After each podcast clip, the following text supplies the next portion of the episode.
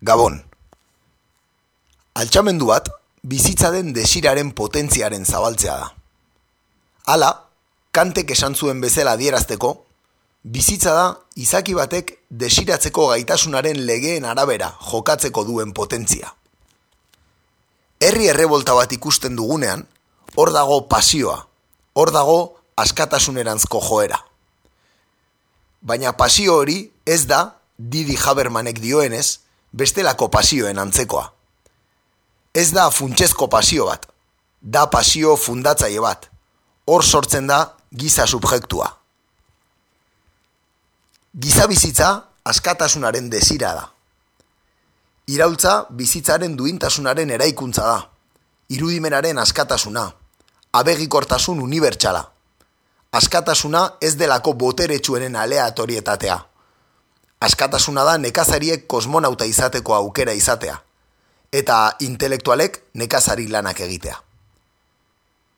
Idatzi zuen Fukok, irautzak beti du gelditzeko arriskua, baina gertakizun gisa bere existentziak betiereko virtualitate bat dauka, eta horrek ahaztezin egiten du. Betiereko virtualitate horri, kultura antikomunistan, nostalgia esaten diotena.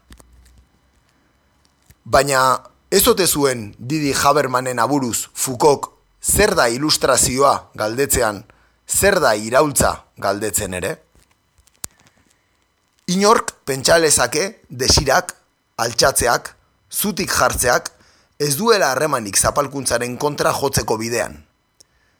Baina desira hori gabe ez dago lehenengo pausorik. Ezin da pedagogia soietik piztu askatasunaren bulkada. Eta gainera, negatibismotik sortutako desirak ez du gaitasunik izango, askatasun maila gorenago bat erdiesteko. Urtero da epai bat azaroaren zazpia, sovietar irautzaren urte hurrena. Bizitzan non gauden neurtzeko ekuatorea, urtearen hasiera berri bat. Hemen ginen, duela hiru bizitza ospatzen, eta hemen gaude gaur. Bizitza piztuko duen potentziaren zai. Alienazioa ukatzen dugulako gara ateoak, baina horregatik hain justu egiten dugu irudimenaren alde.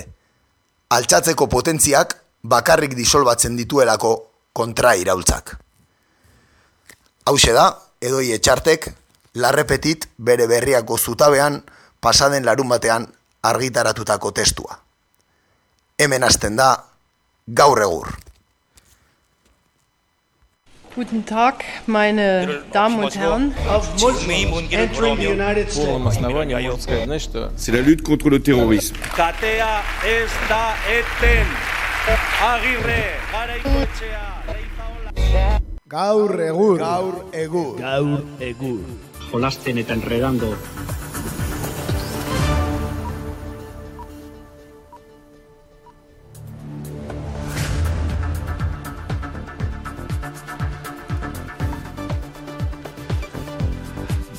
Arratxaldeon, hemen gaude kakaintzonako estudioetan zuzen zuzenean gaur astelena da, azaroaren bederatzia, eta hemen gaude ez dakigu legalitatea betetzen edo ez, baina hemen gaude. Dakiguna da ez gaudela mozko, eta hori bada nobea de batez. Bai hori da, ezin izan gera tabernara joan, eh, beti hartzen ditugun pare bat txupito hartzera, eh?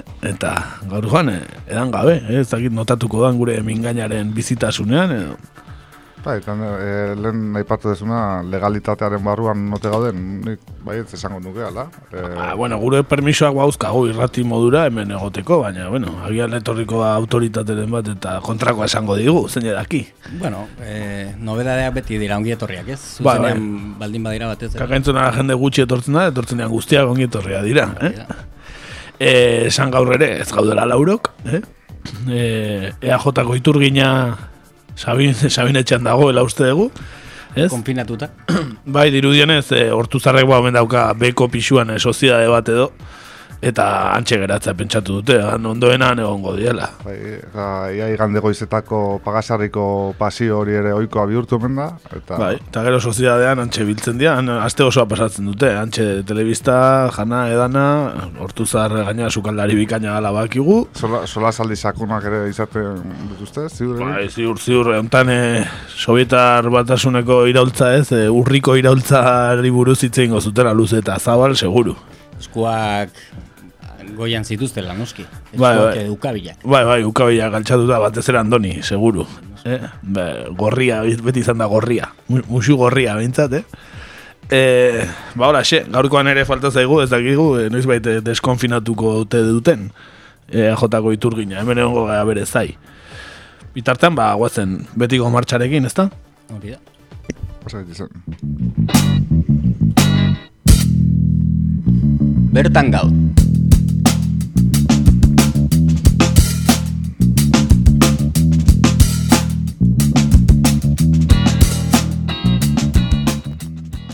Gaurkoan, atal honetarako iturri garrantzitsua den argia aldizkarira jo dugu. Konkretuki, Lander Arbelautzek Euskadiko komunitate palestinarreko presidentea den Fadi Hassani buruz egin duen erreportaia zarituko gara.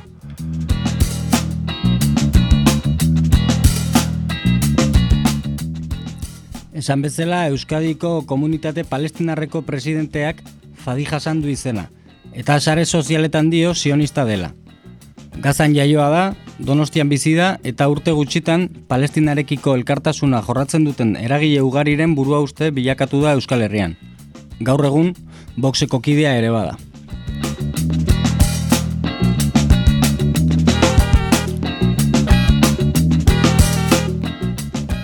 Koktel beldurgarria ez, benetan Fadi Hassanena.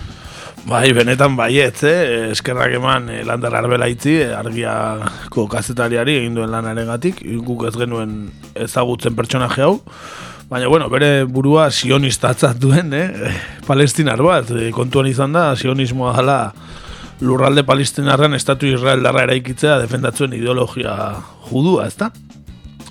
Eta nola posible palestinar batek ba, alakorrik aldarrikatzea, ba, ba ala da Fadi Hassan, e, zoiko kasu bat, eta Euskadiko komunitate palestinarrare, palestinarra elkarteko presidente, eh?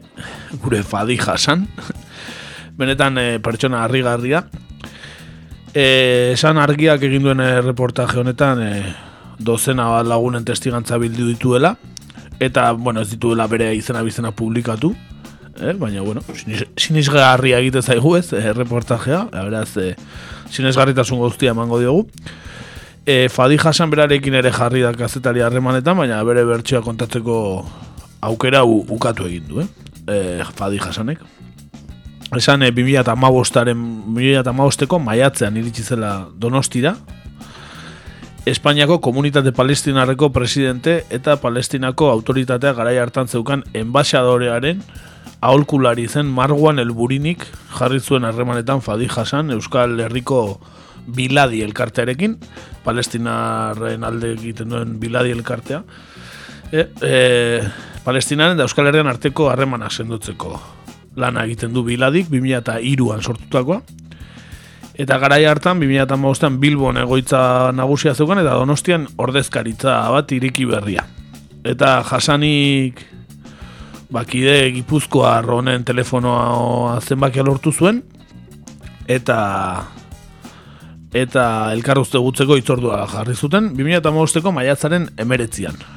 Eh? Eta bulebarreko kafetegi batean batu ziren, eta ba, egia esan ez dalako egunero iristen palestinar bat Euskal Herrira, ea, amabostera ere ez dira iristen, eh, paleste, Euskal Herrian dauden palestinarrak, beraz, ba, bueno, normala be, ez, elkar ezagutzen saiatzea edo, eta ba, hori elkartearekin kolaboratze eskaintzeko edo, baina ez ziren batea ondo hasi, harremanak, e, palestinako politikari buruz e, mintzatzen hasi zienean, ba, oso ikuspuntu ezberdinak izan zituzten. E, bakearen aldeko diskurtso bat erabiltzen du jasanik, hui jasanek, eh, fadi jasanek, eta ez du begionez ikusten palestinarrek irris- israeli erresistentzia egitea. egoera politikoa gatazkari gabe konpon daitekeela defendatzen du. Ez dakit nola, baina bueno. E, eta gero publikoki hainbat lekutan ba, hola, hola azaldu da, ez? Esan ez, e, gatazkari gabe konpondu daitekeen e, ba hori, konflikto badala, gatazka badala, Palestina eta Israelekoa, ez dakit nola, ez? Israel bertan jarratu nahi badu, ba, ba bueno, gatazkari gabe, zaila, ez? Palestinarrak bera bat, e, bere menpean ja, utzita, besterik gabe. Hori da, e, men eginda, ez? e, biladiko kide hau ba harrituta geratu zen, ez zuen olako espero. Eta e, azken batean bat zion usainonik hartu pertsona honi, ez? Eta gauzak e, ba hortik aurrera gaiztotu egin ziren. Jasanek, Fadi Jasanek arratsaldean berriro deitu zion pertsonari eta esan zion e, Palestinarekiko elkartasunarekin kolaboratzen zuten Donostiako pertsona guztien kontaktuak nahi zituela. Mira, ze jarrera ja, eh? lehenengo egunan ezagututa ja. Horrelako jarrera, eh? nahiko fascista dirudien, ez? Exigentzia tonuan gaina, eh? eta modu errepikakorrean, asitzaion idazten, eh, deitzen eta abar, eta azkenen biladiko kidea ba, blokeatu egin zuen. Urrengo egunetan, eh, biladiko bilboko delegazioa ere, ba, berdin, berdina egiten hasi zen jasan.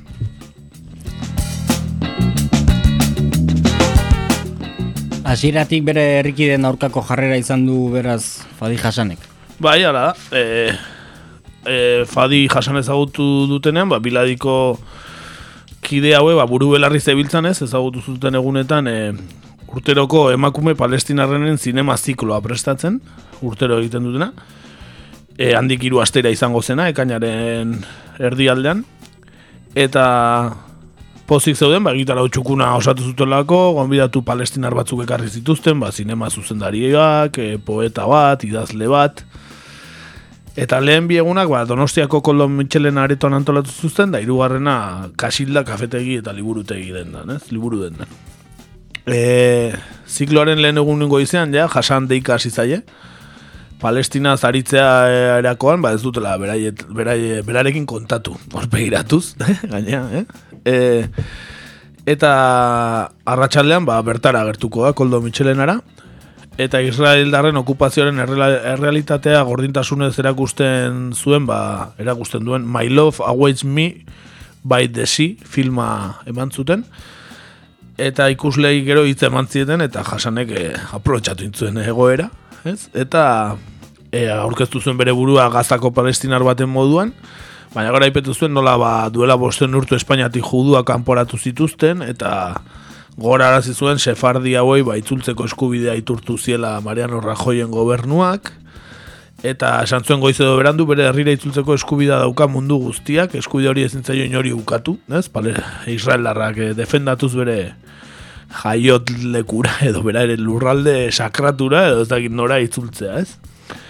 e, pelikularia referentziak egin zizkioten eta bar, eta bere bueno, iritzi bota zuen bat izan zen ze erru dute militar Israel darrek. Inungo errurik ez, ez seguru, era.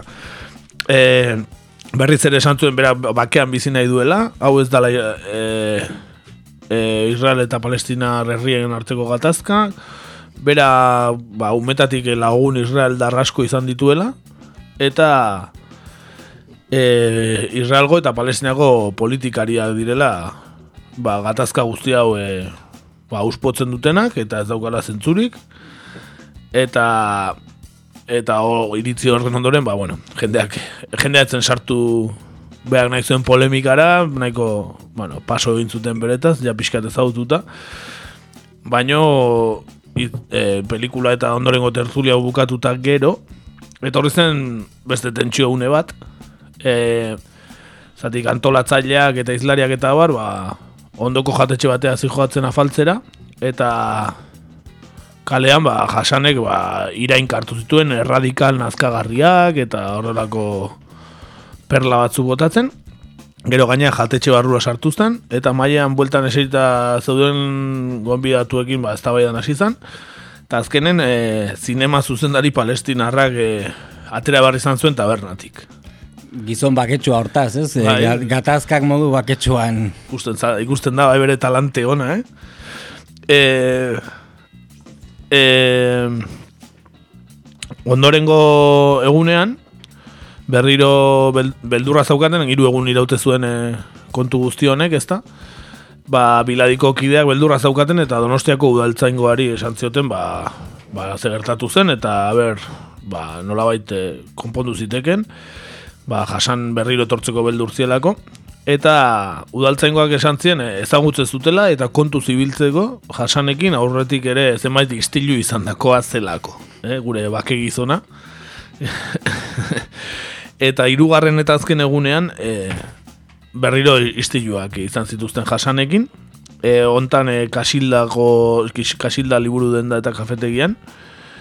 E, bertan zen e, zinema zuzendari Ula Tabari eta Asma Az Azaize kazetari eta poeta palestinarra, eh, biak palestinarrak. Eta bueno, ba urduri zeuden ja biladikoak ea gertatuko zen eta ez zuten nahi jasan sartzerik eta lokalaren atean jarri ziren. E, kasildako beraiek, ez? Kasilda kudeatzen zuten beraiek ba, berarekin ez, ez, bueno, ba ez usteko sartzen eta eta antolatutakoa ba, ba era normalean e, joateko, ez? E, atxaldeko zazpietan hasi zen eta jasana ba hasi eta gutxira hartu zen, jasan, fadi jasan eta ez zioten e, sartzen utzi. Ez zuen bate ondo hartu, irainka hasi zen, bultzaka, oiuka, eta, bueno, holako jirabira batzun ondoren, alde egintzun eta ertzainakin ertzaintzakin bueltatu zen. E, esan ez e, diskriminatu egiten zutela, bere ideologiagatik eta ez ziotela sartzen uzten. Eta salaketa jarri zien biladi elkarteko eta kasildako kidei. Hasiera batean mila euro eskatu zizkien, baina gero amar mila araño ere igozuen kalte ordain e, gisa kobratu nahi zuena. Eh? Jo, Benetan personajea, eh? Fadija esan, eh? Zeu zer esateagatik. Egun hartan etzan ezer gehiago gertau, baina bueno, pixkanaka jasanak ba, ba jarraitu zuen irainak egiten, e, biladiko kidei eta abar, ba, adibidez telefonoz deitu eta e, telefono egin, da bain hor da eta ba, hilko zaituena naiz, eta bueno, holako erantzun paregabeak eh, gure bake gizonarenak, eh? benetan bake gizona. Esan, e, ja, agortu zitzaiela pazientzia biladikoi eta beraiek, eh, ba, denuntzia zuzutela jasan, ezta? E, ba, epaitegietan. Arrigarria dena da dena den Palestinako enbaixadoreak, ez? E, jarri izan la jasan biladiko kidekin kontaktuan edo... Bai, hori da, hori da. E, biladiko kideak, ba, serretuta ditu zuten Madrilgo Palestinako enbaixadara, ez? E, bertako aholkulari eta orain El Salvadorreko enbaixadore den, e, Palestinako enbaixadore den, Marguan El Buriniri deitu zioten, aurpegiratzeko, ean nola demontre bialdu zuten gizon hori, ezta? Eta no, kontatu zioten nola baze gertatzen ari zan, ez, pertsona honekin. E, beak adieraziko zien, etzekila olakoa zenik, eta saiatu zen, ba, ba, bueno, egoera konpontzen, edo, bueno, e, esan ez, ba, biladiko pertsoneak bakean usteko, eta barrez. E, ala ere, e, biladik pertsona horrekin aizaten ari ziren arazoen berri emango zuen Espainiako estatu mailan palestinarekin elkartasuna elkartasunez antolatzen den reskop eta niguado sareetan eta giroa, ba, bueno, nahazten hasi zen ja ba, donostitik edo Euskal Herritik kanpo ere, ez? Hilabeteak eta urteak pasa dira, ez, pasatzen dira, eta jasanek berdin jarraitzen du. 2008ko abenduan zigortu egiten zigortu egin zuten aurrez aipatutako biladiko kide hauen erioz mehatxuatik, ez, epaitegietan. 2006an e, ba, alkilerrean zegoen donostiko aldezarreko etxe batean, eta ba, etxearen jabearen alabari jo izana egotzita ere zigortzen dute.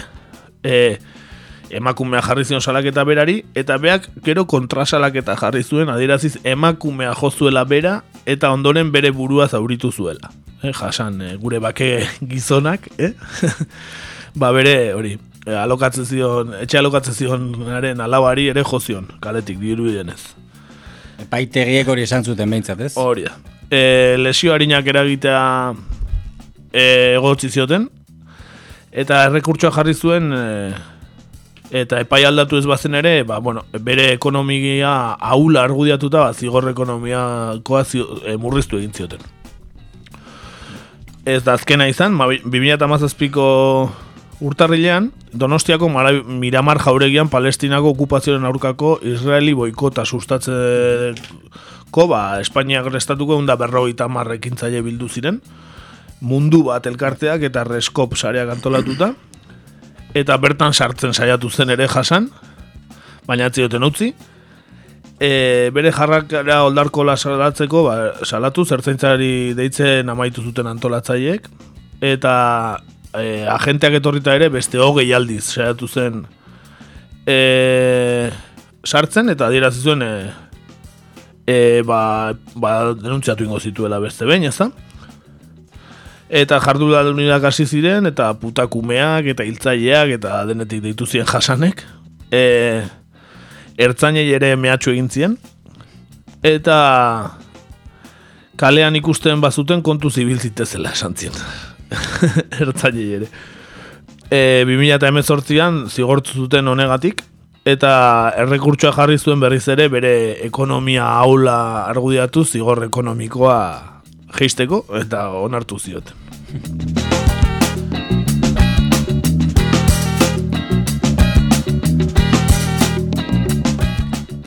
Baina Euskadiko Palestinar komunitatearen presidentea da, ez? Bai, eh, inoiz eh, ezagutzen ez duen elkartea, eh? Por cierto, baina bueno, E, Euskal Herria iritsi eta urte betera, 2008ko irailean, e, jasanak, jasanek Eusko Jaurlaritzaren elkarteen erregistroan, e, Euskadiko Palestinar Komunitate izeneko elkartea erregistratu zuen, beste bi pertsonekin batera, Facebookeko horria martxoan sortu zen, baina dirudenez erreportaje hau egin da gero de, desgaitu indute e, bain elkarta sortuta, ba, komunitate hortako bozera maile gisa mintzatuko da aukera daukan leku guztietan, ez? Gara, ematen dion autoritatea, ez? E, ko, Palestina harren e, komunitatearen e, presidentea dela esan ez? Beste bi pertsonekin e, fundatu gomentzuen, baina beste bi pertsonak ero ez dira inungo papeletan ageri. E, beharrezko adia elkartea sortzeko, diruzaina, idazkaria eta presidentea, baina beste biak ez dira inundik ageri e, aprobetsatzen ditu horrelakoak, ba, hori ez, bere kargua e, zein den esateko. Adibidez, 2008an Bartzelonan literal liburu azokan erresistentzia palestinar naziorteko ikurretako bat egon bidatu zuten, e, Leila Jalet, eta itzaldia ematera, itzaldian sartu zen, baina ez zuen e, polemika handia egiri sortu, ez da jende gehiagizion eta beldurtu egintzen edo zer. E, baina itzaldian urrengo egunean e, telebistan eraman zuten. E, Zekatetara? TV iru ez, baina bai, horoitako bat katalana. Barcelonako komunitate juduko presidentearekin. Judua eta palestinarra bia batera. Eh? Espainiako komunitate judua federazioko presidente ere den Uriel Bengigirekin. Eta Fadi Hasana bera. E, funtxean biak ados agertu ziren, e, iritzi antzeko azaukaten, e, eta, bueno, adibidez esan zuen e, Fadi Hasane palestinarra naiz, eta Bartzelonako udalari eskatzen diot, barkamena eskatzeko Kataluniako eta palestinako herritarrei, e, jale e, gonbidatzeagatik, jale den diskurtsoa ez, diskurtsoak ez du e, ez da palestinarren euneko bata ordezkatzen, dio Fadi Hasanak, ez dakigu bere azen batek ordezkatzen duten, eta gaina egozten dio gure sufrimendoarekin negozio egitea eta jalet bezalako terrorista palestinarrak e, gatazka egotea interesatzen zaiela. Esaten du. Eta egontzela ikusten, baina ez zegoela girosan horik eta alde gintzuela. 2000 leila zeudelako, ala esan zuen. Eta ondoran, ba, komunitate judu jarreko eta sionista den uri uri bera, ez? Eta, bueno, entzun ezagun zati, baukagu, eh? beraien zati bat, Ba, hori, e, bere diskurtsoa da bere hau txentzun ezagun pixka Fadi Hasanarena. Fadi Hasanena. No es habitual que un judío y un palestino se sienten juntos en un plató de televisión, lamentablemente. ¿Por qué hoy sí, Uriel? Pues eh, principalmente porque eh, las cosas fluyen de manera natural y ayer eh, estuvimos eh, cenando juntos eh, hubo una muy buena conexión y surgió una idea que es hacer pública algo que tiene que ser habitual. Eh, y habitual debe ser el diálogo, la convivencia, la coexistencia, más que la coexistencia, la convivencia entre eh, estos dos pueblos. Y yo creo que el conflicto, que ahora mismo está en un nivel político, eh, no es un conflicto o no debe ser un conflicto entre pueblos. No debería ser No un debería. conflicto Y creemos que no lo es. Por eso estamos Nosotros, aquí. yo pienso ¿Creéis que no, que no es, lo es? que yo no pienso que es un conflicto entre pueblos. Yo no pienso que nosotros lo- los palestinos no pienso yo que los palestinos eh, tengamos un problema con un pueblo o con otro por su eh, su religión o por su eh, forma de pensar. Lo que tenemos nosotros es claro que el diálogo es lo que va a llegar al entendimiento y va a resolver todas las dudas. A mí me honra, la verdad, sentarme al lado de Uri. Me honra bastante porque hemos hablado, hemos hablado de cosas que nos unen, porque ahí tenemos que enfocar el tema de las cosas que nos unen, no de las cosas que nos separan.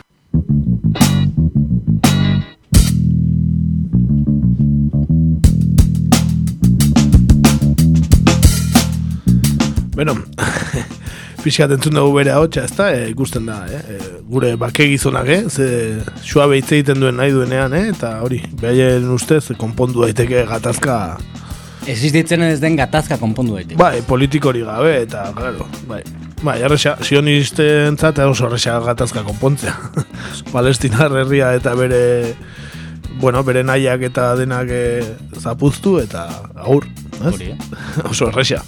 E, telebista katalanean zen, bastante goindarra dauka lobby sionista Katalunian, ez? E, Estatuan ere aipatu dugu, nola Puigdemontek beti zoriontzen duen Israel, bere independentzia egunean, eta bestelakoetan, eta independentismo katalanaren zati bat e, oso Israel zalea da, dirudienez, ez? Batez ere esku aldekoak eta eta ba, telebista hortan zion ezautuko ez Pilar Raola, kazetaria enaiko famatua bere garaian da orain ere ba, Katalunian askotan agertzen dena, ez, independentistatzat du ere burua, edo azken aldiko independentistatzat bai behintzat, ez, azken garaietako.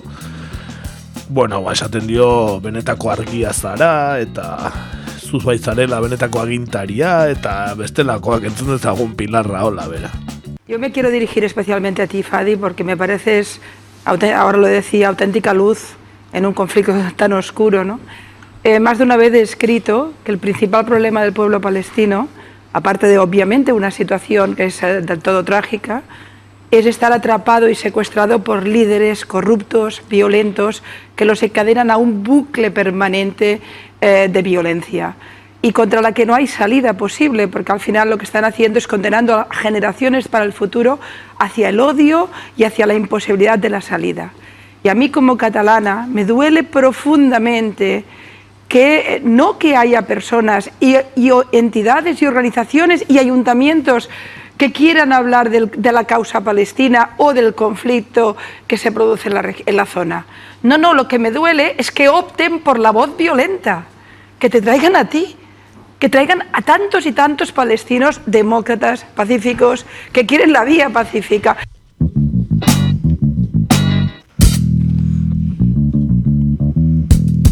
Beti bezain ondo informatua Pilar Raola kazetaria, eh? Bai, bai, noski. Bai, Pacífico, que te traigan a ti, eh? Eta ez, erre, insurgentzia eta resistentziako eh? liderrak, ez ez, gar, etor zaitezela zu, ez da, no, asko zobeto. Lorea esaltzen dizigun norbait, eh? bai, bai, asko zobeto, ino, inolako gatazkarik ez da eukiko sionista berarekin, ez? Eta, eta ez, nola eukiko du, olako ideologia izan da, ez da. Bai, gainera bain boxekoa dela dirudi, ez? Hala ematen du, hala ematen du, aurreko ekainean, e, aurtengo ekainean, e, ba, boxek, e, ba, bakizu hemen hauteskundetarako, ba, egin zuen kanpainatxoa, e, bai, hemen Euskal Herrian, eta Donostiako alderdi ederren ere egin zuten ekitaldi bat, Oe, hogei bat jarratzaile agertu ziren danera, ezta? Eta bertan zen Fadi Hasan. Eh? Ortega Smithen ondoan, eh? ikusi daiteke azka, eh, biz, bueno, bere bizkarrean, eh? Ortega Smithen bizkartzain dela dirudi. Eta boxeko kidea ote den edo ez, ba, zalantzak sortu ziren, edo beste gabe protagonismo bila agertu zen. baina hauteskundeetan groseko hautesleku batean e, egontzen apoderatu gisa boxen izenean, beraz eh, esan daiteke baietz, eh, boxenko ere ordezkari ere badela gure palestinar sionista bakezalea, eh? Oximoron jauna. Bai, hori da, oximoron jauna. E, bueno, e, Vox eta lobby israelaren arteko harremanak, e, bueno, zenbat artikulu agertu dira, ja, ez? E, ze harreman dagoen e, lobby israeldar eta Voxen artean. E, adibidez, la marea e, e, kazetaritza, ez da webgune bat, edo, edo revista bat, edo, bueno, la marea mentzat ikertu dute eta agertzen dira bertan ba, lobby israeldar nagusia dira la Fundación Friends of Israel, Fundación Hispano-Judia edo ACOM direnak, ez? Eta badirudi, bueno, eskuin muturra kontrolatzen dituela, ez? Israelgo eskuin muturra kontrolatzen dituela. E, ACOM da handiena. E, diote eragile apartidista bat dela, baina ez du eskutatzen inundik inora eskuin muturrekoa direnik.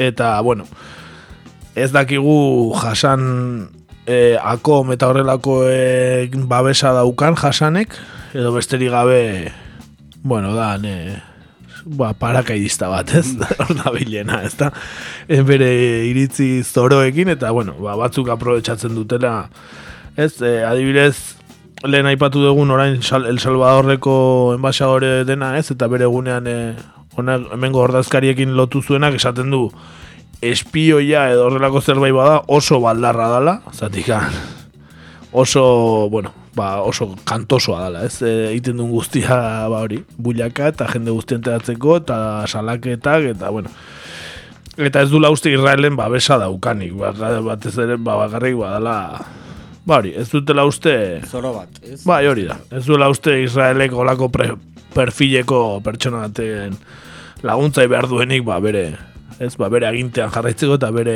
behar nahi duen guztia egiteko, orain arte egiten nahi dan bezala, ez? Eta bere ustez, ba, protagonismoa asko gustatzen zaion eta burutik oso ondo ez dagoen tipo bada. Hala esaten du ez, palestinako enbaseadore honek. Bai, nahiko argi gatzen, ez? E, bueno, kontatu dituzuna kontatuta gero behintzat ez da espio itxurarik ez dauka, ez? Ez, ez, eta hola, soldatapean dagoen bat ere, ez nik uste, ez, hori Eh. parakaidista bat. Hori, soldatapean ez, baina gian hortik bizi nahiko duen bat, ez? Esan daiteke. Hori igual bai, igual bai, ez, eta diru laguntza jaso, eta hemenetan azaldu, bai, hori, hori izan daiteke. Bai, Liskarretan sartu, eh, Bai, igual boxeko ordezkari izan, ez da, nun baiten. Zakit nun, bai, gaztan igual, edo Cisjordanian, boxen izenean agero dauzkera aurkeztuko da, ez dakit. Bueno, ba, horrelako figura gure artean daukagula Euskal Herrian, eh? Donostia aldea juten bazeate, eh? Buelta bat ematea, ba, begiratu, azpare. Argazkia, digutenen, argazkia jarriko dugu, sare sozialetan, onun bait, eta kontrolatuta izan, donostia juten bazeatea, igual, begin topauko zeatela, eh? Benetan tipo jatorra, seguru kafe bat edo gombidako zaituztela. edo bestela gombidatu zu bebea. Eh, hitz egiteko gaiak ez dira, ez dira faltako. bai, tertulia atsegin bat eukiteko, eh. Denuntzia bat bitarte, eh? Bueno, ba hori xe, eskerrak eh, Lander Arbelaitz argiako kazetariari ere, ba, egin duen lan agatik, eh? gauza gehiago bat kartza artikuloak, eta ibarretxerekin argazki bat, eta abar, eta abar. Benetan, eh, gauza bikainak, eta, bueno, segi dezala horrela lanean, bikainari data. Guazen nazio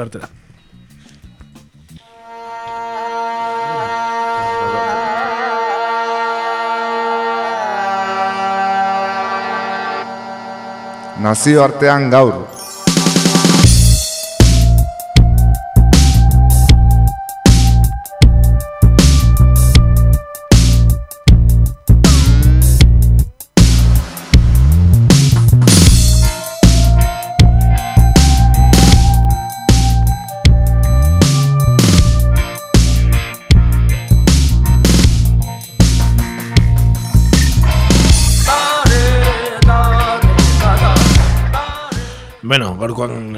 Nazioartean zer, ba, kontaketa maitezin baten ondoren, eh, Azte buruan jakin degula Joe Biden izango dela, ez? E, imperioko presidente berria, estatu batuetakoa, alegia. Gora bera handirik ez badago bintzat, ikusiko dugu, ezta? E, hemendik urtarrila bitarte izango da, ez? Botere aldaketa. Eta gora bera hori, ba, Trump, Trumpek epaitikitan izan dezaken jardunaren ondorio edo Biden osasunaren alorrekoak edo izan litezke, ez da, beraz, e, gaurkoan estatu batuetara goaz.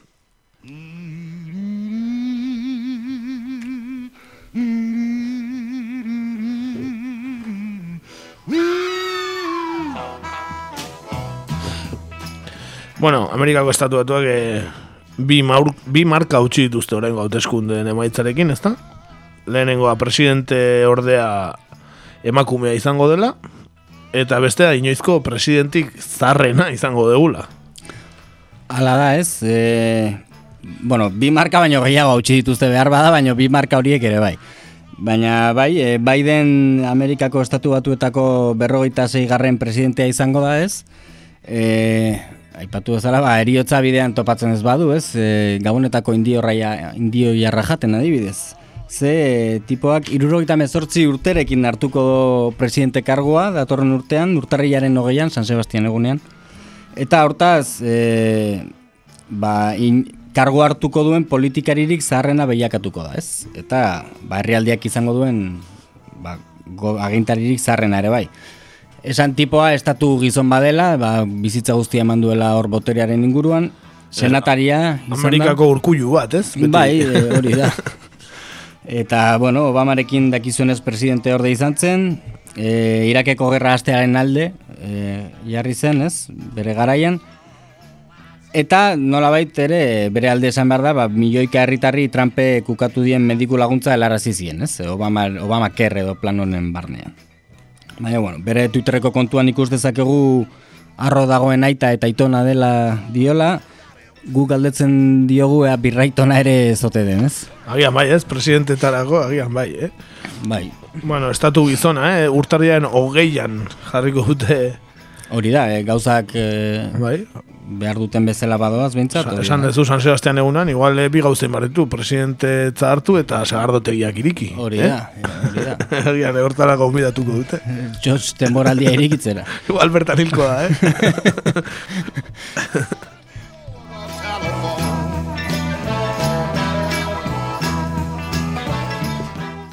Eta, bueno, bestalde, ba, Kamala Harris presidente orde izango den emakume hau, e, ama indiakoa du eta aita jamaikakoa, ez? E, migratzaileen ondorengoa da, tipa.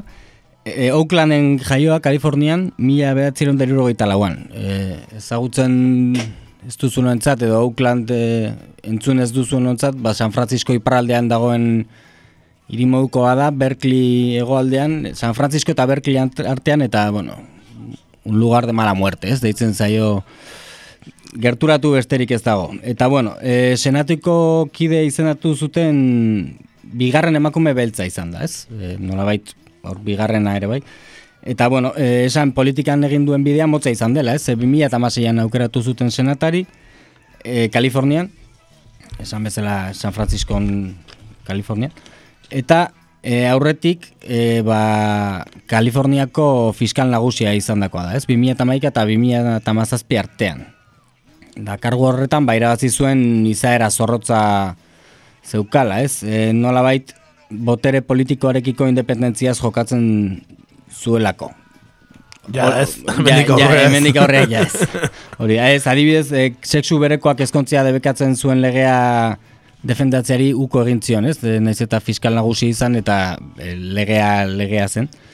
Eta bueno, eura indargabetzeko saiakera gidatu zuen, eta bueno, 2008an bertan bera geratu zen legea dakizuenez. Eta bueno, e, Oaklanden jaioa denez, babadu eskarmentua droga trafikoarekin, ez?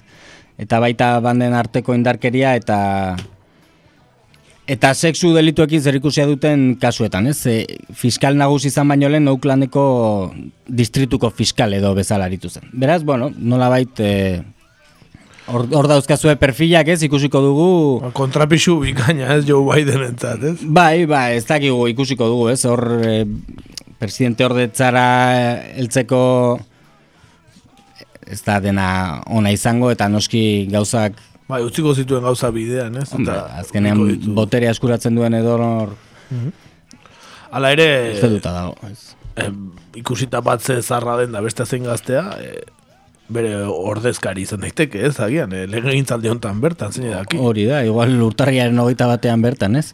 Baina behar Sagardo, bada... sagardotegitik ateratzeako, ez da? Hori da, hori da, eta, bueno, esan kamalari ez dakigula zurruta gustatzen zaion, ez? E, Sagardotegitik eda ibiliko da behar bada, baina hala dirudi, ez? Bere ospakizunitzak entzuten baditugu entzat, entzun nola deitu zion Joe Bideni. We did it. We did it, Joe. You're going to be the next president of the United States.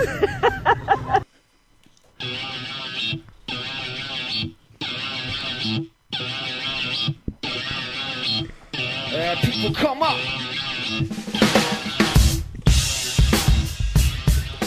Bueno, eh, mozkortuta zirudien, baina kalean zegoen, ez? Matezun korrika egiten, eh? Bai, eh, hor bideo batean agertzen zen, eta ez dakit nola bait outfit eh, sport batekin, ez? Ez dakit, como si no fuera, ez? Bere notizia jasotzera joango ez balitz bezala. Bai, hola, korrika egiten zegoela, Bai. tokatu Ui, balitzaio bezala. sorpresa, Ai, presidente orde izango nez. Era bat improvisatu. Bai, era bat improvisatu. Bai, Amerikanako ladia, ez da, bai, oso pinta zeuken nahiko preparatua egotea, baina bai, ez? Hor, jantzita korrika egiteko bezala, eta, oh, oh Joey deituko dira, eta Hori hor, da. eh, irabazin degula. Nere zurruta edan eta gero, noski. Bai, sagardote egiten gatuta bero. Bai. Bai, bueno, pozik zegoela zirudien behintzat, ezta? Bai, bai.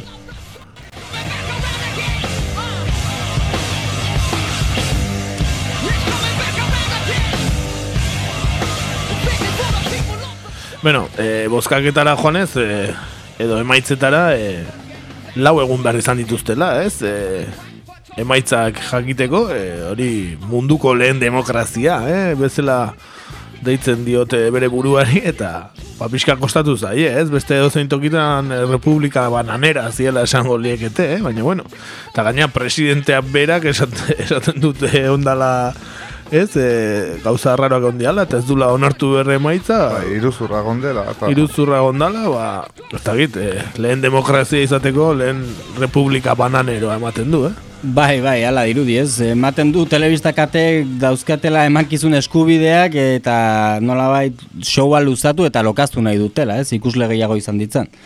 Beno, estatu batuetan edo zer gauza geta liteke.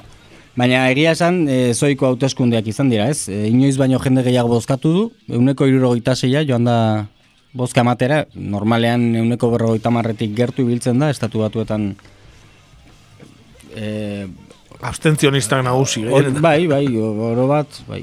Eta esan, ba, posta bidezko bozka, ohikoa baino hamar aldiz handiago izan dela, ez? Trumpen kontrako mugimendu bezala ikus liteke, noski? Bai, iruzurraren oinarria hor balego bezala, baina, bueno, goratu behar pandemia gaten garela, ez, agian asko korregatik bozkatu dutela. Bai, behar da gehienak. ez? Eta, bueno, azkenik, ba, Pensilvanian irabazita, posta bidezko botuekin, ba, lortu du Bidenek tronua, ez? Eta, e, esan bide batez, demokratek e, eutxe egingo diotela ordezkarien ganberan daukaten gehiengoari ere. Senatuan ikusteko dago. Baina, e, republikarrek daukate gehiengoa, bertan? Baina, sen, e, baina beraiek zeuketen kongresuen, o senatuen. Senatu, e, kongresuan e, Demokratek demokratek zeukaten duela bi urte irabazi zituzten hauteskundeetan. Aurretik e, errepublikarrek zeukaten dana. Eta, bueno, ba hori pixka batuain gerdatzen zaigun kuadro, ez?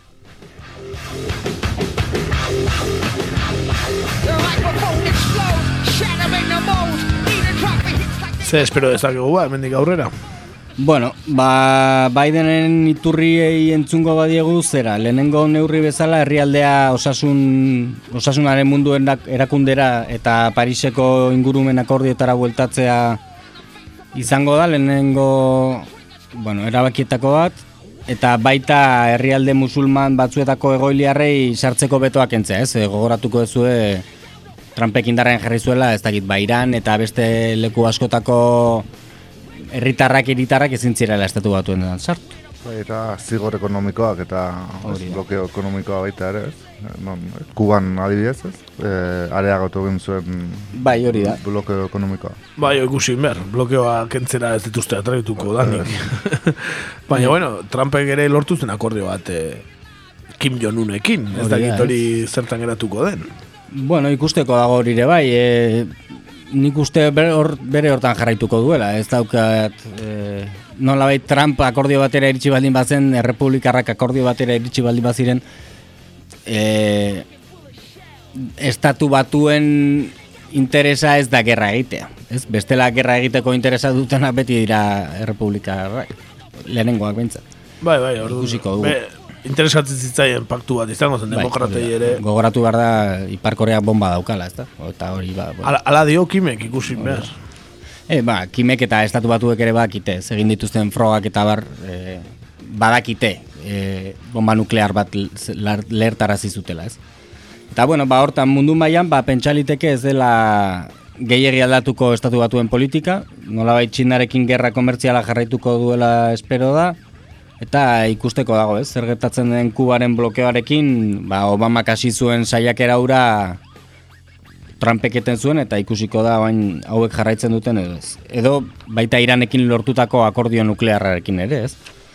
Eta bestalde badago Israelekiko papera, hor bere hortan jarraituko duela, baina gogoratu Trumpek oso polemikoa izan zen erabaki bat hartu zuela, izan zela Jerusalem e, estatu judutarraren hiriburu bezala hautatzea, ez? Bai, eta eta bertara hori da bertara mugitzea enbaxada Tel Avivetik. Mhm. Eta hori ba ikusiko dugu, ez? E, Bidenek atzera botako duen erabakia izango den, oso zaila izango dut e, Israelek sekulako aketa Presio egingo dio, bai. Agian eh, Fadi Hasan jarri behar dute, embajadore. Bai, e, horrela bada azkar kenduko dute, ez pentsa baina. bai, orduan ez iraungo, ez?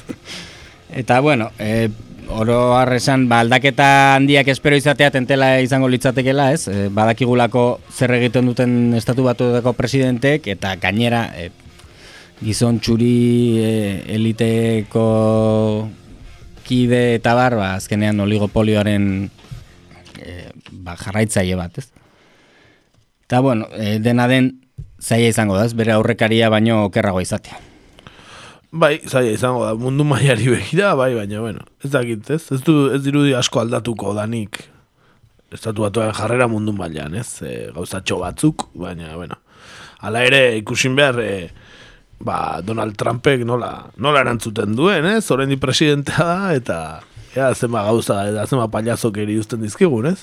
Hori da, ez, oraindik urtarriaren hogeiko eguardira arte presidente bezala jardungo du, eta urte horretan amaitzen da bere eta bere presidente ordearen agintaldia, ez? E, Estatu batuetako konstituzioaren hogei garren zuzenketaren arabera, zuzenketa edo enmienda, ez? Eta, bueno, e, ikusten da trantzizio malkartxu bat, espero dala, eta, bueno, bi hilabete pasa, izango dira, ez? Ez, ez bi hilabete, bi hilabete hor inguru. Bai, Ba, bi hilabete pasa. bi hilabete Azkenen, pasa. bai, hogei arte. Honena transizioa sagardotegia bertan egite. Hori da, hori da. Errexena. Eta, bueno, esan, ba, zea, zuzenketa edo enmienda honek mila behatzireun dago itamarrean jarri zutela indarrean, ez? E, nolabait, hain luzea den trantsizio etapa hau, ez? O, ezoikoa mundu mailan Eta zen garai hartan, ba, presidenteak leku batetik bestera, ba, joan bertzuelako gurdian edo kotxetan edo zegoen moduan, baina tira, e, estatu batuetako iru kilometroak alderik alde gurutzatu behar zituen behar ez? Eta horti dator, ez dute, ez dute, e, ba, bueno, gaur eguneko denboretara egokitu nola baita esaterren, eta bueno, horrek ekar ditzazke arazo batzuk, ez, etorkizunean. Trump presidente de momentuan batez ere. Bai, oin utziko dio etxe zuria zikinduta, eh, lurretik gota. eta- Bai, ez esan, ba, zea anekdota moduan, ez? E, trantsizioak ez direla beti atsegin eta errazak izan, ez? Adibidez, George Bushek, George e, W. Bush, ez? E, Bush semeak, 2000 garren urteko hauteskundeak irabazi zizkionean algorri, ez? E, oso hauteskunde polemikoak. Ba, etxe zurira iristean konturatu ziren e, V bikoitzatekla ba, erauzita zeukatela ordenagailu guztiek, ez? Eta, bueno, horrelako detaile txikiak, ez, izaten dituzte. Baina, bueno, orokorrean Teklatu guztiak aldau behar, ez? hori da. Baina hori txikikeria bada, ez, orain Trumpek egin dezakenarekin. Eh, Behintzat, hemen nolabait hasi da oiukatzen ze, ba hori, e, gorenera joango dela eta eta Igual, eta bar. igual gotortu ingo da, eh? Barrika jarri, metraieta, telatu, nan, da, venga. Etorri nere bila, eh? ez litzak etxarra izango, eh? Ez, ez, pelikula bikaina, eh? Zuzen, zuzenean, izango zen. Bai, oso amerikarra dena. Eta bueno, ba honen inguruan, espero dezakegunaren inguruan, Judith Butler, filosofo feminista famadunak, e, nolabait kezkati eta arduratuta agertzen da, ez? Entzun dezagun ze idatzi zuen. Inoiz ez da zalantzarik izan. Donald Trump etzen modu dotore eta azkar batean joango. Askok, galdetzen genion geure buruari, zen suntzitzaia izango zen erortzean. Badakit, erorketa hitza normalean errege eta tiranoentzat gordetzen dela. Baina hori da gure agertokia. Oraingoan erregea pailazoa ere badela izan ezik eta boterean dagoen gizona bere kasketaldia emandako aurra ere bada. Gelan heldurik ez dagoela dirudien arren. Badakigu Trumpek edo zer egingo duela boterean mantentzeko eta bizitzan dagoen ondamendi handiena saiesteko. Galtzaile edo loser bihurtzea. Erakutsi du prest dagoela hauteskunde sistema manipulatzeko eta suntzitzeko. Behar izan ez gero. Ez dagoen gargi mehatxatzen duena bete al izango duen. Edo bere mehatxua botererik gabeko agindua bezala airean geratuko den.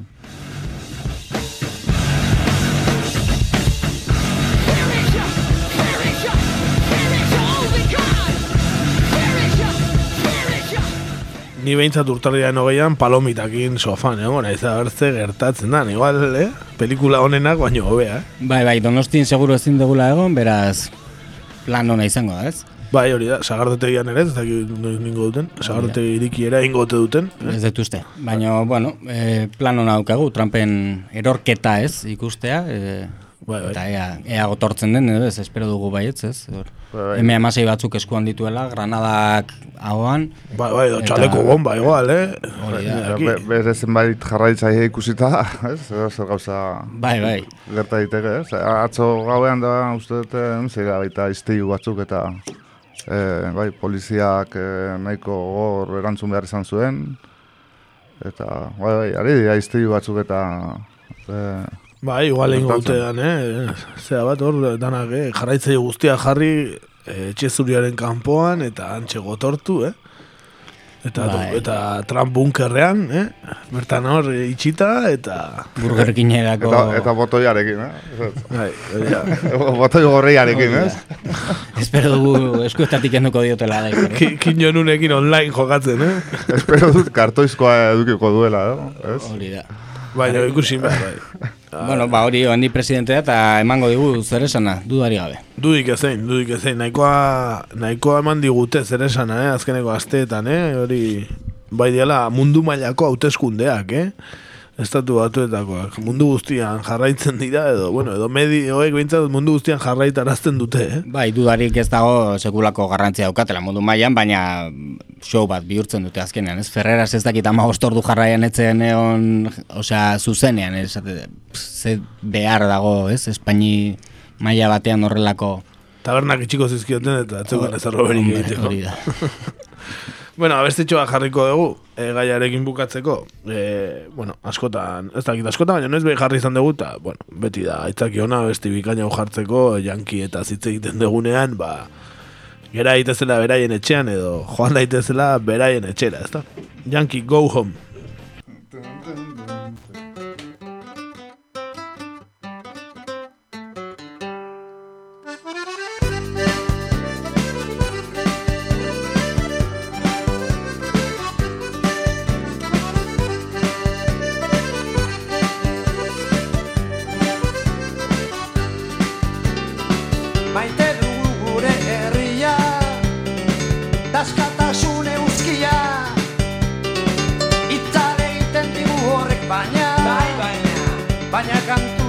la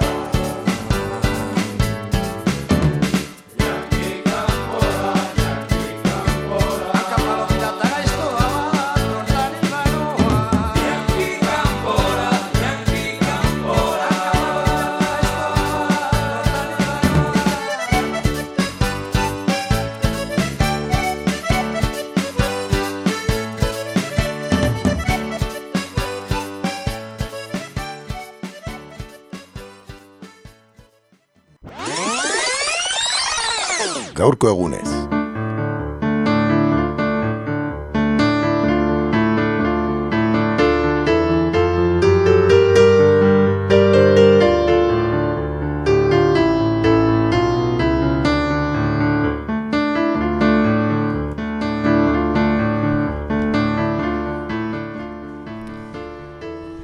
Gaurko egunez atalean, hainbat urte hurren desberdin aipa genezazken. Errusiar iraultza, Berlingo arresiaren erorieraren urte hurrena, edo kristal apurtuen gau adibidez. Baina ez, e, tiranotik tirara, tiranara joango gara, Albaniara ez joango gara. Azaroan bete baitira egun da sortzi urte Albaniak mila bedertzirun damabian Imperio Otomandarretik independentzia aldarrikatu zuenetik.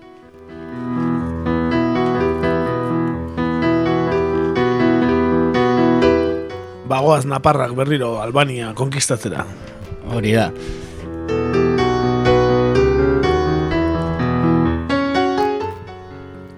Noiztik zegoen Albania Imperio Otomandarraren menpe? Edo, bueno, pixka bat historia apur bat, e, independentzia lortu zen arte ematen badiguzu. Bai, bai, batu eh, Albanian jatorrizko tribuak, eh, ilirioak zirela, eta baita e, best, egoaldean greziar e, kaonikoak, greziar etniakoak. Eta aipatu kristo aurretiko goita garen urtean e, erromatarrek konkistatu zutela lurraldea eta ili, Iliria eta Epiro probintziatan banatu zuten herrialde hura.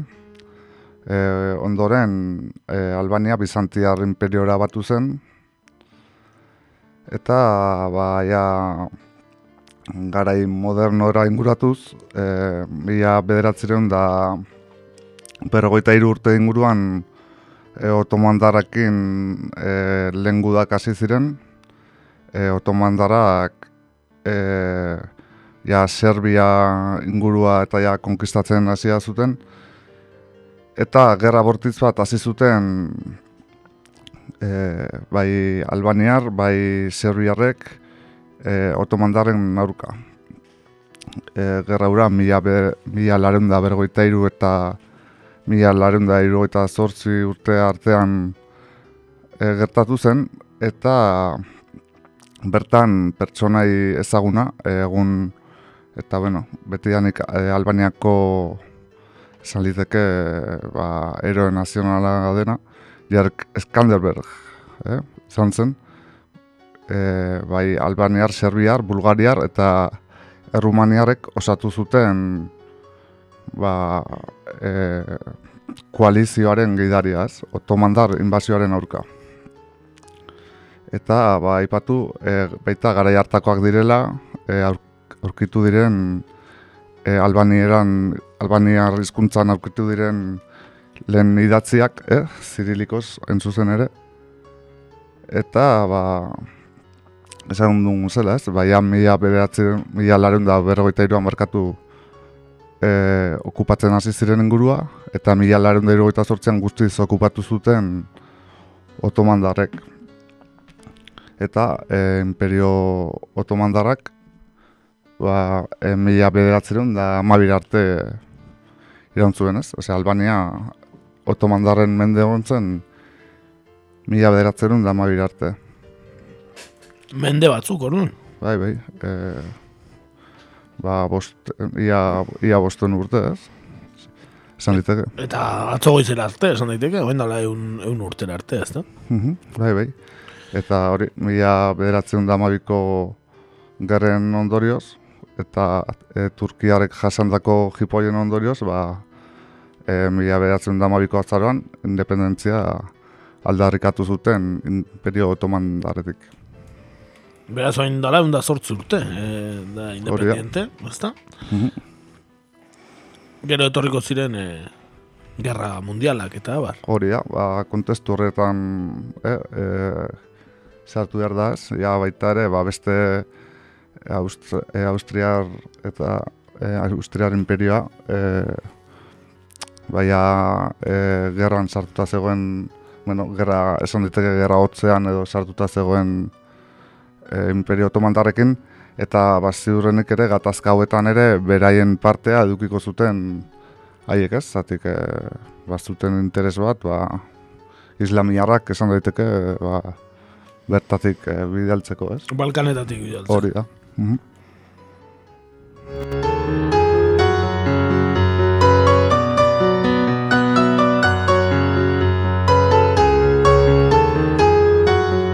Baina gero bigarren mun- mundu gerrak ere eragingo zion, ezta? E, Albaniari.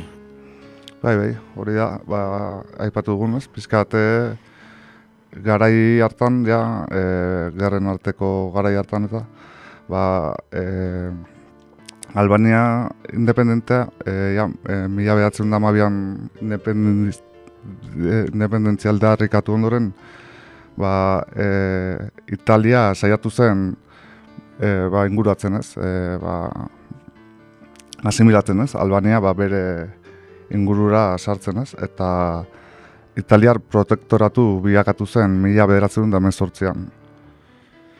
Eta ba, ipatu ja, urte horietan e, e, Italiar protektoratu bilakatu zutela, eta mila bederatzen dago eta sortzean, e, orduan presidentea zena Ahmed Zogu e, errege bilakatu zen, ez? Bere, bere burua errege izendatu zuen. Presidentetik erregera, ez da, eh, jainkoaren izenean. Eta zok lehenengoa e, bi- bihurtu zen.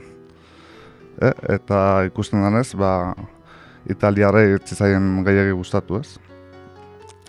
E, aipatu e, Italiako gobernu fascistak, e, ondoren, ja, e, mila behatzen da hogeita meretzean, e, ja guztiz okupatu zuela Albania, osea, ja protektoratu izateari utzi eta anexionatu egin zuen.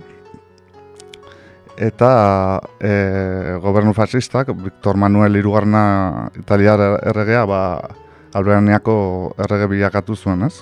Hori mila behatzen dago eta meretzean. Eta ba, italiar e, anexioak edo e, mila bederatzen da bergoita iru arte iraun zuen, ez? Non e, mila bederatzen da bergoita iruan, Italiak e, barne gatazken ondorioz eta armistizioa e, deklaratu zuen, Bigarren Gerra Mundialean, ez? Bigarren Gerra Mundialean, eta e, Alemaniak okupatu zuen orduan Albaniaz.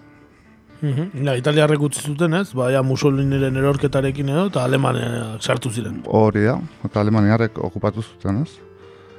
Eta, ba, e, resistentzia handia aurkitu zuten bertan, ba, ezaguna dira e, partizanoak, ez, Balkanetan, Balkanetako herrialde guztietan, baina Albanian ere bereziki ba, ospetsuak dira, eta, bueno, e, gorazar egiten zaie, hainbat e, badaude estatuak ia herri guztietan ere. Eta, ba, adibidez, e, Alemaniaren okupazio garaian eta gerra mundial garaian e, gizarte zibi, zibiaren salvamentuko erakundearen arabera, non garaian Ginebrako erakundeak e, eramaten zuen ura, ba, Albania izan zela e, gerrak gehien ondatutako herrialdetako bat, eh? Zatik, e, adibidez, irugoi mila etxe, baina gehiago txuntxizu omen zituzten, ez? Herrialde txikia izanik, ba, gian ez da zutetxua izan Bai, ez da asko hitz egiten, baina benetan suntxituta geratu zen bigarren. Bai, e, ikusten danez, e, erresistentzia handia biatu zuten bertan, e, alemena erraik, eta gatazka e, gogorrak izan ziren, eh? Bai, bai.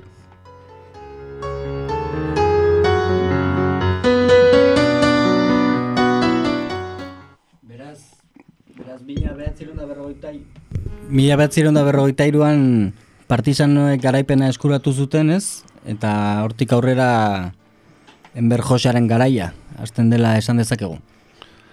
Bai, eh, epatu, eh, no, mila, pizkal lehenago, mila beratzen da bergoita batean, ja, sortu zen Albaniako alderdi komunista, baina garai hartan eh, etzauketen jarraitzaile gehiagiaz, bertan ez, eh, ba, lehenago ipatu dugu, eh, imperio otomandarretik zetozen baita, ez zegoen ez da e, langileria, langileriarik, dena nekazagunea zen, eta intent, intelektual gutxi batzuek, eta e, lurrik e, gabe zeuden nekazari gutxi batzuek bakarrik e, ziren alderdi komunistako parte ez. Baina e, poliki-poliki ba, bueno, e, jendearen gana iristen hasi ziren, e, ondo antolatzen hasi ziren, eta e, Albaniako lanaren alderdia sortu zuten, ez?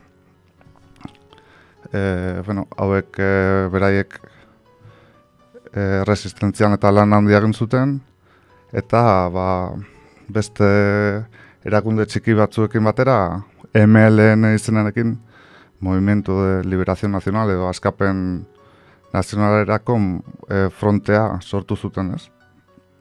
ale, Alemaniaren aurka egiteko, ez?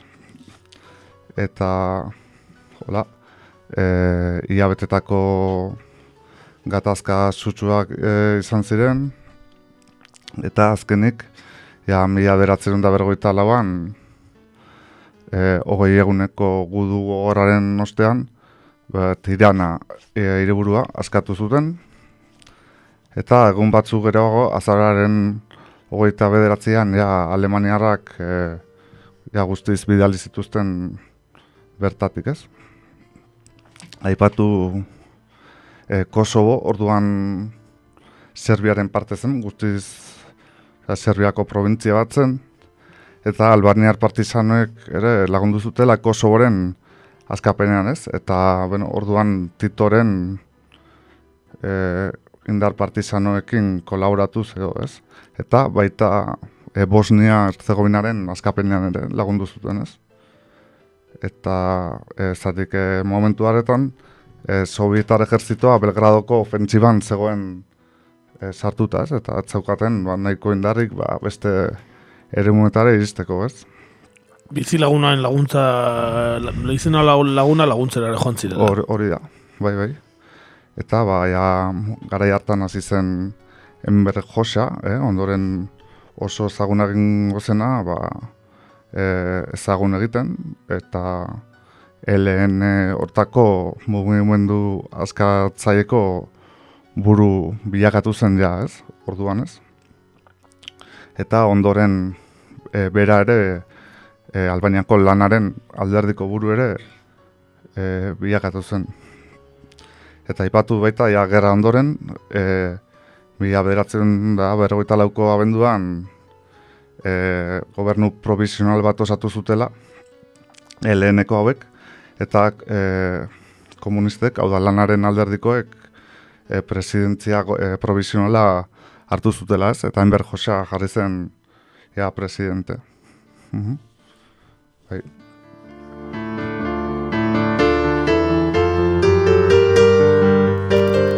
Zema dira zuen gobernuan, enber josak?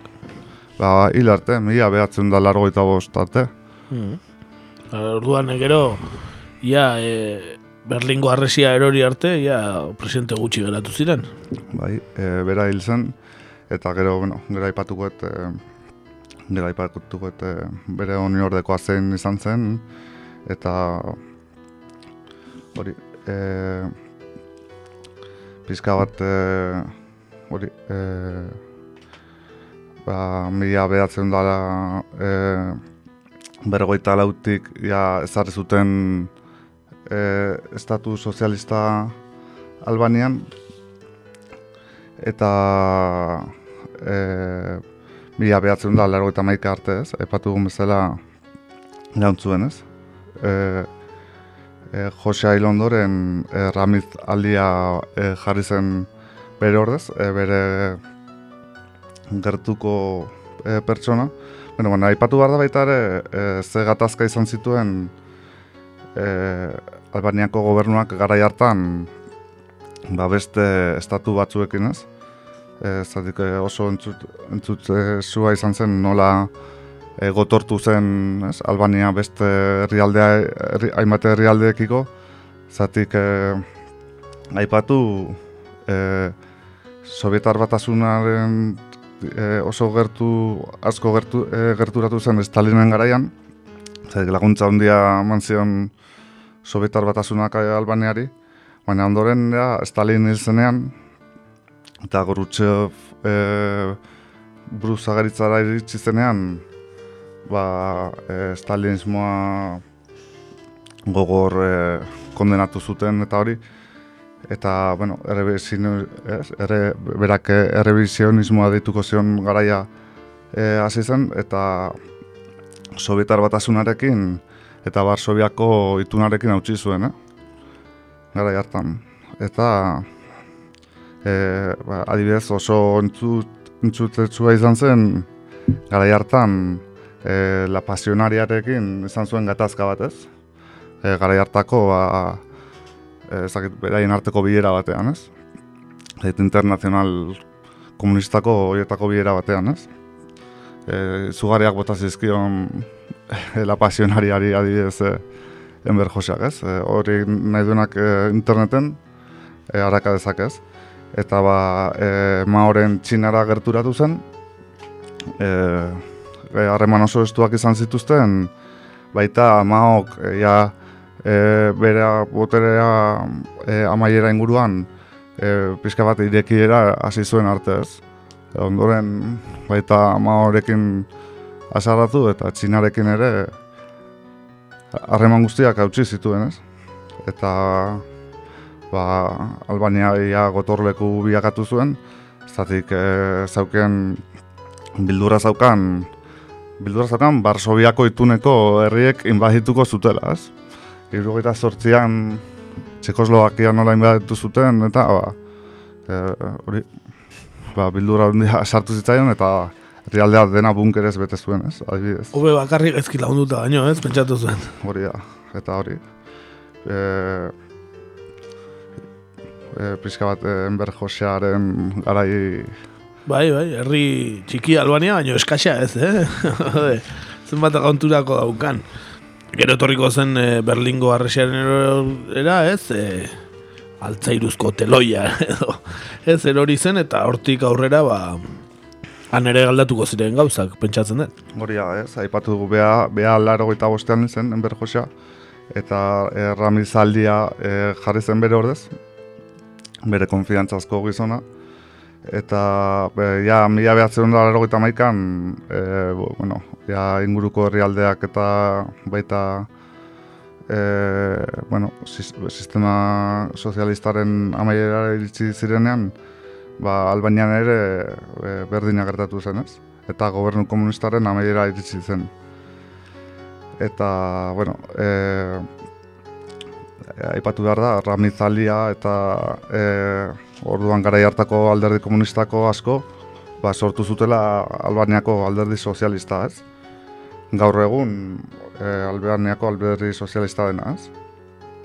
Eta askok, ba, baita ere, ba, e, agintean jarraitu zuten ez, baina e, mila behatzen da lero gita mabian, e, lehen hautezkunde libreak edo de, demokratikoak ko- ekakotzen artean egin ziren eta e, Xaliz, Xali Berixa alderdi demokratakoa e, eskuinekoa e, izendatu zuten presidenteaz.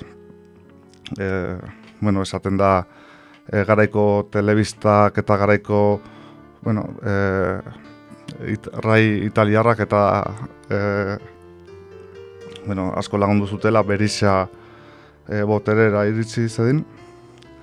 Baina, e, bueno, e, albaniarrentzat e, garai berriak izan bar zirenak eta e, bueno, e, aberastasun urteak etorri behar omen ziren beraientzat eta e, zugarrizko bueno, gauza asko agindu zizkien, ba, e, korrupzio eta espekulazio urteak etorri ziren, ez? Eta larogeita mabi eta larogeita masei garren urte artean, ba, hainbat, e, adibidez, e, sare piramidal de, deiturikoak eta e, osatu zituzten bertan, e, eta artean zeuden hainbat banku italiar, baita estatu batuarrak ere, eta hori, ba, jendeari bultzatu zuten e, dirua inbertzutu zezan, e, interes handiak emango ziz- zizkiela, eta, bueno, zenbait bankuetan, ez? Eta horrela, ba, ezagit bi edo hiru urtetan, ba, hainbat jendek e, bere diru guztia, hau, e, bere aurrezki guztiak, kasu askotan, ba, beraien e, ba, etxea eta dena hipotekatuz, ba, inbertitu zuten, ez? Eta mila batzen da, laurogeita hamaseian, ba, konturatu ziren eden airutzur piramidal deituriko horitako bat zela, eta eh, lertu egin zuen, ez? Eta e, jendeak, ba, jende gehienak, inbertitu zuen diru guzti hori galdu egin zuen, ez? Eta, bueno, protesta handiak hasi ziren, mila behatzen da laurogeita hamaseian, eta urte bukaera arte iraun zuten protestek, Eta laurogeita hamazazpigarren urte hasieran, ba, ja protesta horiek ja matxina da ekutsu hartu zuten, ez? E, e, Sali Berizaren aurka, bere burua eskatzen zuten, e, ja politikarien aurka, bankuen aurka egin zuten, hainbat erakunderi, e, ja, herri asko, herri handietan udaletxeari eta zua eman zeten, e, hori, e, komisariak eta asaltatzen hasi ziren, baita militarren egotorrekuak ere, eta hori, matxina da handi bat sortu zen, ez? E, arma guztiak hartu, depositoetatik hartu, eta adibidez, ba, e, kartzelan zeuden preso guztiak ere askatu zituzten, ez? Guztira mila eta zortzireun preso inguru, ez? E, esaten da, matxina da horren e, bueno, bultzatzaile gehienak, bueno, zati bat bentzet, e, alderdi komunista ohiko jendea zirela, eta baita ere, ba, sistema berriakin e, ba, gustora zeuden, e, baina alderdi komunistakoak ez ziren, baina beraien aliatuak ziren beste alderdi batzuetako kide zaharrak ez, adibidez, eta baita gazteak ez. Eta matxinadak e, urte guztia iraun zuen, e, laro eta mazazpiko ia amaiera arte, eta azkenen nazion batuen erakundeak, e, ba, indar, e, onuko indarrak eta bidaliz, ba, e, baretu zuten egoera ez, eta hauteskundeak e, deitu zituzten eta bar, eta, bueno, e, jendeari armak e, entrega zezan eskatu ziten ez. Bueno, realitatea da armak e, ez zirela entregatu, e, eta esaten denez, e, arma horiek gehienak e, ondoren Kosovoko gerran baliatuko ziren utxekako, ez, e, kidek edo militanteek, ez? Eta hori, e, beste hainbatek, e, merkatu beltzean amaitu zuten edo gaizkien eskuetan, ez? Eta hori xe, pixka bat e, nola izan zen Albaniako azken urteak, ez? Transizio eredugarria izan bar zuena, ba, e, korrupzioz jositako transizioa biakatu zen ez. Eta matxina bat etorri zen, gero, bai, horregatik. Bai, eta aipatu orain, eh, gaur egun alderdi sozialista dagoela boterean uh -huh. Albanian, eh? Bai. Askoz leku lasaiago eta paradisiakoagoa izango zen Nafarroakoa izango izaten jarraituko balu, ez? Bai, bai hori da. Anexioa gertatuko balitz. Hori da, gure zortzigarren provintzia, eh? Bai, hori da, Alba, Albania ranaiak, eh? baina ikusten da, hori ere gerlari, gerlaria direla, eh? Bai, bai, bai, bai. Benetan gerlaria, hace historia, bueno, hace, hace azken mendea, bizi izan bai, dute, bai, eh? bai, bai. Benetan, eh, bueno. Bai, imperio tomandara, eh, eh, italiar fasismoa, Alemania, da, eh. bai, eh, bergoita piko urteko sozialismoa, bueno, bai, bai, denetik, eh? demokrazia liberalaren onura guztiak lau urtetan. Hori, Bueno, ba, hortxe Albania, eta abestitxo bat ekarri dugu, e, reitxan ez dematxin ematen du, baina ez jeriko taldea da, ni gaur ezautu dut, eta Don't Fuck With Albanians abestia daukate, entzun zatik, reitxan ez dematxin ematu, baina ez da. Don't fuck with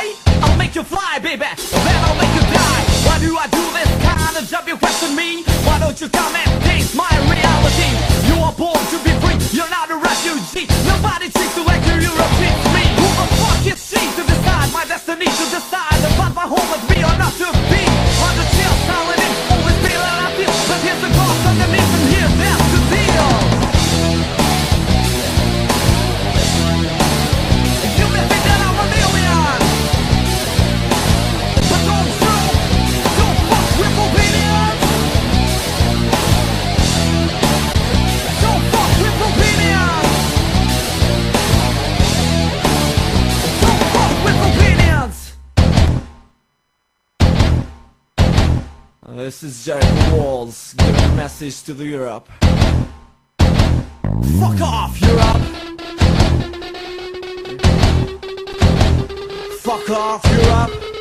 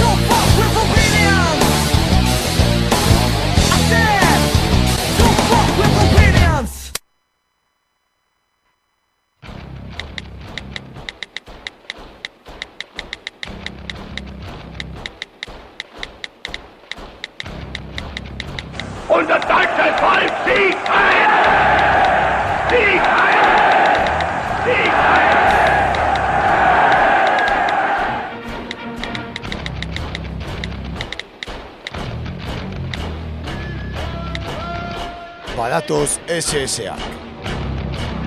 Sare sozialetan egur.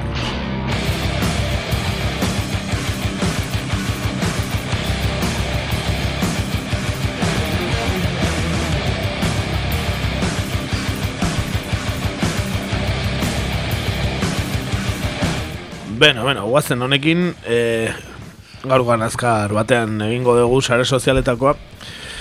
Gaurkoan Ego Amerikara goaz, baina ez goaz Winston egana. Eh? Bakigu Ego Amerikara joaten Winston bisitatu gabe, Winston birakatxandia.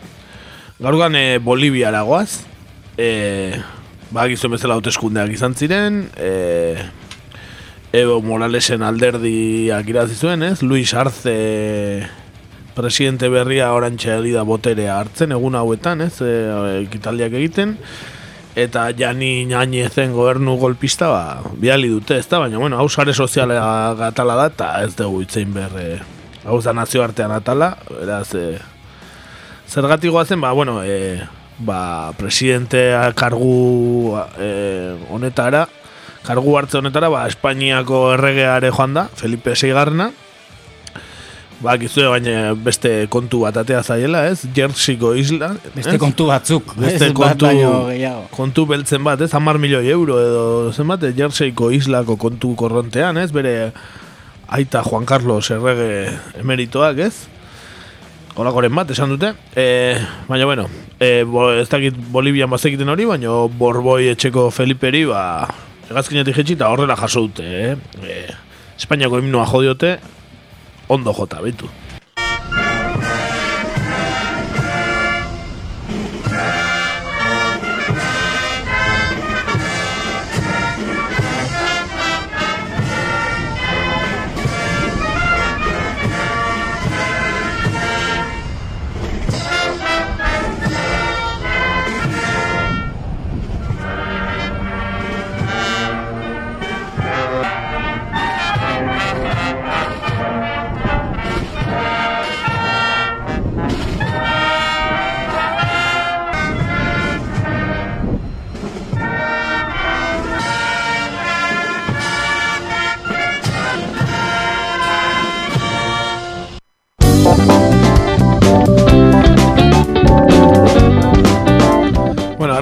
Boliviako jazz talderen bat zela jotzen ez, dena improvisazio bikaina, eh?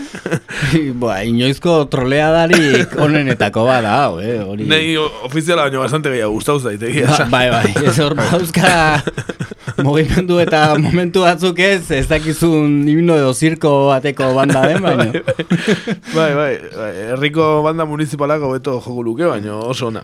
Esan gaina, eh, Espainiako errega Pablo Iglesias presidente ordeak intzeola, igual eh, bolivarianoen eh, zera bat izango dau, eh, boikoten bat edo, borboi etxeari edo. Eh, baina, bueno, guri grazia indiguta horratik ekarri dugu, baino Espainiar, oso Espainiarrei, eh? Bakizu españoles, y muy españolesei, y mucho españolesei, ba, etzai bate gustau, eh? Adibidez, bi adibide, ba, Pedro Otamendi, abizen Euskalduneko Espainiar, oso Espainiarra, ba, más que himno de España, lo que ha sonado hoy has- en Bolivia ha sido la cucaracha. Arrazoi falta. Si Pablo Iglesias quiere arrastrarse en este tipo de actos, es cosa suya, pero deberían dejar de lado a Felipe VI, eh? O oso monárquico agure Otamendi. Eh, ez Marcelo, eh? Pedro, ez dakit nahi adien. Ez Marcelo Otamendi. Eh, Toñi Segura cree, detraca lo del himno de España en Bolivia y frente al rey. Pablo Iglesias estaría descojonando. Vaya forma de arrastrar a España y a la figura del rey. Bueno, ba, holako pillo bat, ez? Eta hor, ba, grazia handia egin digu, eta horretik ekarri dugu, eh, benetan, eh. Ez da lehenengo aldia, baina Australian edo Errepublikako himnoa jarri zieten, edo... Bai, hori da, eh, himno republikarra gainera aipatu genuen hemen, ez? Baina e, nik hemen ez dut uste hankasartze bat izan da, nik ez? Edo hankasartze bat, osea, benetako himnoa zan, baino edo ez duten seiatu, edo... Edo umeen banda bidali Edo dute. umeen banda bidali dute. Digan, benetan oso, oso ondo jotako. Nire asko gustaute, benetan eh, ofiziala baino gehiago, eh? Ba, ni oso fan, ja, himno berri hau Bai, bai. abestu eta dena ingo dut nik uste dut. Bai, bai, nik eh, abestea uste gehiotan jarri behar daula. Bai, agian gure soinu bandan geratuko da. Bai, bai, ni ja telefonoko politono bezala baukat, egia esan. E, ba, horixe, horixe geneukana, e, benetan bikaina, e, sarka handi bat Boliviar lagunei, eta segi dezatela himnoa horrela jotzen. Hori da, eh? eta Bolivian konservatorioan ikasten ari diren guztiei ere? Horrelako kalidadez jodetzaten Hori da. urrengotan. Hori da. E, abesti bat ekarri dugu agurtzeko, ja, ikusi ez da zuen, Bolivian musika ondo jotzen ere badakiela, ekarri dugu la cumbia de... La cumbia de Bolivia taldeak ateatako no te vayas Evo. Eh, bere garaian Evo galde egin zuenean, berari eskertza kumbia bat, eta eta hori hori horrekin agurtuko gara, beraz. Eskerrik asko horreteatik entzule, eta datorren astean eh, entzungo gara. Da. Gusten badigute. Beraz, agur. Hori da, hasta una pasada. Jo. La cumbia de Bolivia, no te, no te vayas, Evo.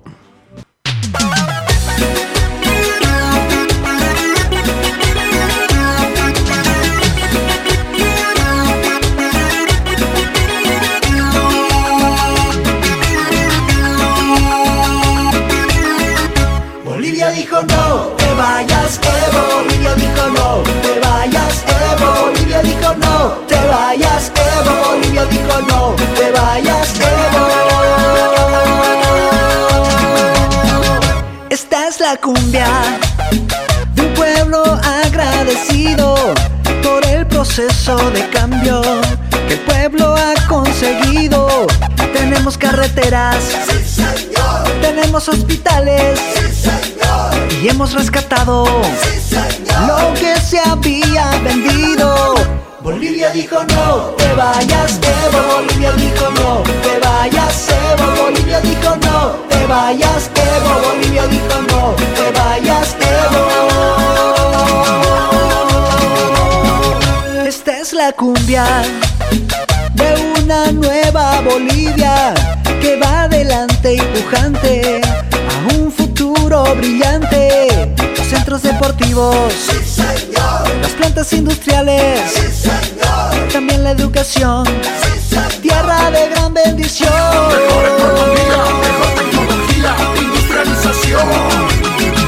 Bolivia dijo no, te vayas, Evo. Bolivia dijo no, te vayas, Evo. Bolivia dijo no, te vayas, Evo. Bolivia dijo no, te vayas, Evo. Bolivia dijo no, te vayas, Evo. Bolivia dijo no, te vayas, Bolivia dijo no, te vayas.